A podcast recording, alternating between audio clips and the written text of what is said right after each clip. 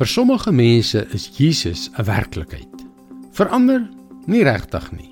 Watter relevantie kan hy per slot van sake in die 21ste eeu hê? Watter impak kan hy immers op ons besige, ingewikkelde lewens hê? Hallo, ek is Jockey Gouchee vir Bernie Diamond en welkom weer by Vars. Dit is maklik om 'n va afsydige geloof in God te hê. 'n Tipe versekeringspolis, net ingeval daar regtig 'n hemel en 'n hel is. Miskien bid jy slegs tot God in moeilike tye, maar vir die res van die tyd, hmm. As jy jouself in hierdie kategorie plaas, glo ek dat daar vandag iets is wat God vir jou wil sê. Hy begeer nie 'n va afsydige verhouding nie. Hy was daar toe jy in jou moeder skoot gevorm is. Hy het jou gesien. Om die waarheid te sê, selfs voor tyd begin het, het hy jou lewe reeds beplan. Wie jy gaan wees en elke oomblik van elke dag het hy vooraf beplan.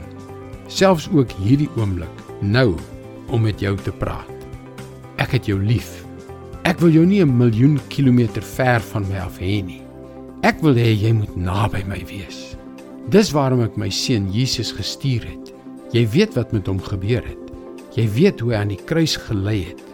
Hoe hy in pyn uitgeroep het. Markus 15 vers 33 lees.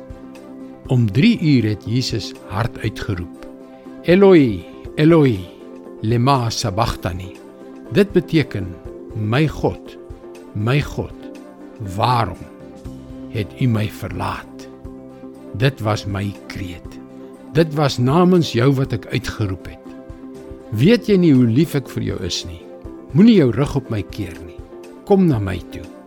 Ek wil jou 'n nuwe lewe gee. 'n Ryk, oorvloedige lewe.